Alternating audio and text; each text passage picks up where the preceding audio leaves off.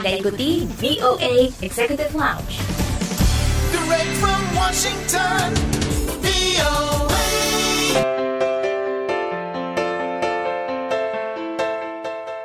Langsung dari VOA di Washington DC. Hai, apa kabar? Senang sekali bisa bertemu kembali dengan Anda. Saya Dewi Sulianti, tentunya di VOA Executive Lounge, di mana Anda bisa berbagi cerita mengenai diaspora Indonesia di mancanegara, sekaligus informasi terbaru dari dunia gaya hidup dan hiburan. Kali ini di VOA Executive Lounge ada obrolan bersama Pascalis Kaipman, asal Papua yang berhasil mengejar mimpinya ke Amerika. Nantikan obrolannya, maka dari itu jangan ke mana-mana, tetap di VOA Executive Lounge.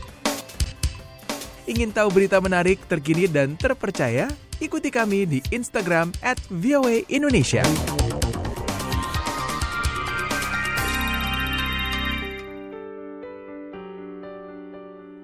Masih mendengarkan VOA Executive Launch bersama saya Dewi Sulianti dan sebentar lagi kita akan mendengarkan obrolan reporter VOA Dania Iman bersama Pascalis Kaipman, mahasiswa Papua yang berhasil mendapatkan beasiswa ke Amerika. Kita simak obrolan selengkapnya berikut ini. Kali ini bersama saya Dania Iman dan saya juga sudah ditemani oleh mahasiswa Indonesia Pascalis Kaipman. Halo Pascalis, apa kabar? Hai, perkenalkan nama saya Pascalis Kaipman. Sendiri berasal dari Indonesia Timur paling jauh tempat sejarah. Puji Tuhan, selama ini baik-baik. Nah Pascalis bisa bercerita sedikit? Baik, saya alumni dari beasiswa LPDP, program magister yang saya ambil, beasiswa Indonesia Timur. Saya di Amerika, kebetulan di Washington DC, saya kuliah jurusan kebijakan pendidikan dan kepemimpinan. Sudah semester kedua, saya mulai bulan Agustus tahun 2019. Program magister saya akan berakhir di Agustus 2021. Nah Pascalis saat ini sedang kuliah di universitas apa nih di Amerika? American University ya. Oh oke di Washington DC ya. Kita juga pengen tahu nih bagaimana pengalaman Pascalis selama ini nih kuliah di Amerika. Banyak hal sekali yang saya dapat ya, khususnya saya dari Indonesia Timur sebagai anak Papua, luar biasa sekali punya kesempatan yang baik. Pemerintah Indonesia melalui LPDP mempercayakan saya sebagai anak Papua untuk kuliah di Amerika dan banyak hal yang saya belajar mulai dari disiplinnya, sistem pendidikannya, terus ketaatan dalam perkuliahan. Memang strict sekali kalau di Amerika terus kami kumpul tugas itu tidak bisa lebih sedikit telat dari waktu yang sudah ditentukan atau hari. Nah, itu salah satu hal baru tetapi manfaat yang kami boleh dapat adalah disiplin yang sungguh luar biasa belajar di Universitas Amerika di Washington DC. Apa nih yang waktu itu menyemangati dan akhirnya mendorong Pascalis untuk berusaha ya berjuang untuk bisa kuliah ke Amerika? Mungkin pengalaman atau cerita saya itu panjang sekali ya, tapi saya mungkin bisa ambil sekilas gambaran umum saja terkait motivasi yang bisa membawa saya sampai di Amerika. Jadi yang pertama saya datang dari keluarga yang sederhana, kedua orang tua saya tani, terus saya tinggal di Kabupaten Bovendigul yang betul-betul jauh dari perkotaan, terus ekonomi pun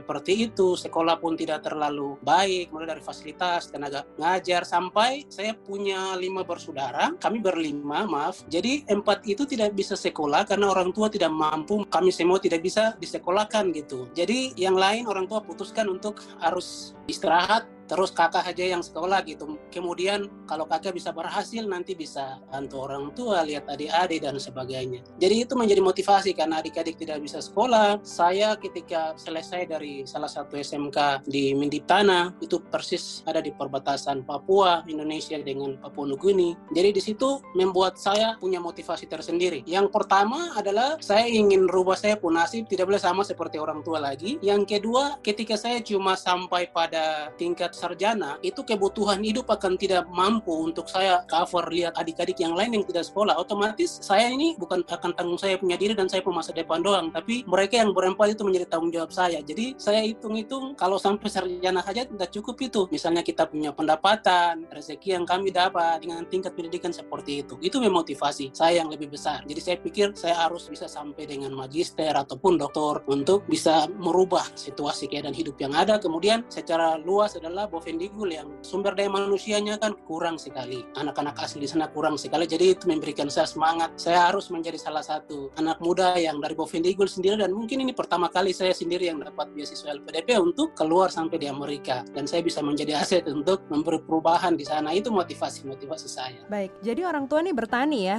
di Papua ya. Betul. Kalau Bapak sudah meninggal sejak 2006, waktu saya masih SMP kelas 3, dari situlah sudah mulai adik-adik yang lain semua istirahat karena mama sendiri. Mama juga kebetulan dia cacat, tidak bisa kerja yang keras-keras untuk menghasilkan uang. Jadi saya keluar tidak hidup dengan orang tua pada saat itu. Dari SMP masuk ke SMA, saya tinggal dengan kakak asuh, orang Ambon. Dia kerja di Wana Visi Indonesia yang ada di distrik Mendiptana, Kabupaten Movendigul. Tinggal dengan dia selama tiga tahun untuk SMA. Jadi setelah itu turun ke Merauke, kuliah di Universitas Musa Amus. Kurang lebih empat tahun itu tinggal di pastoran Katolik di Merauke. Tiga bulan kemudian saya tinggal di ada tempat yang kebetulan saya punya dosen, dia punya suami orang NTT, Pak Lukas Lena. Jadi kenal baik. Saya kan biasa sering jalan kaki. Ibu nih ketemu saya di jalan saya berjalan kaki biasa mulai dari jam 5 subuh sampai nanti sore pulang. Jadi tanya tinggal di mana? Saya bilang saya tinggal dengan anak-anak asrama, sementara di pastoran karena anda punya keluarga, tidak ada orang tua di sini. Jadi ya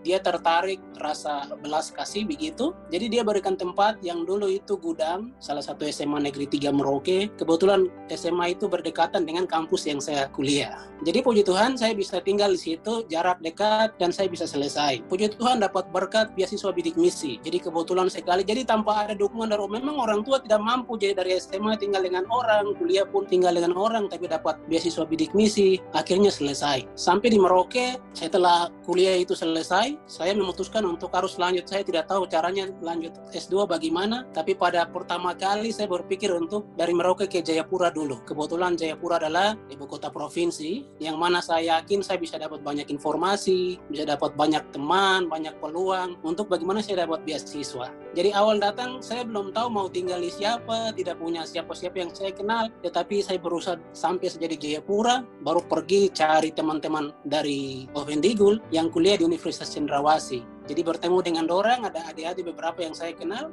jadi tinggal dengan salah satu adik dari Bovendigul juga yang kuliah PGSD Uncen. Jadi saya titip dengan dia itu kurang lebih selama tiga bulan sambil cari peluang pekerjaan, mungkin ada kerjaan bisa kerja sambil cari informasi beasiswa. Itu di tahun 2016 akhir. Jadi 2017 kebetulan saya bisa dapat kesempatan untuk kerja di salah satu perusahaan Agrispice Indonesia yang ada di Sentani. Jadi selama di situ saya kurang lebih ada enam bulan sambil saya lamar beasiswa LPDP. Puji Tuhan saya lulus dapat beasiswa di 2017 dinyatakan lolos. Jadi 2018 itu saya ikut persiapan kurang lebih satu tahun persiapan bahasa, persiapan keberangkatan dan lain-lain di Bandung. Setelah itu di Jogja sampai dengan 2019 urus semua persyaratan di awal tahun dan Agustus mulai berangkat sampai di Amerika dan mulai perkuliahan di bulan Agustus.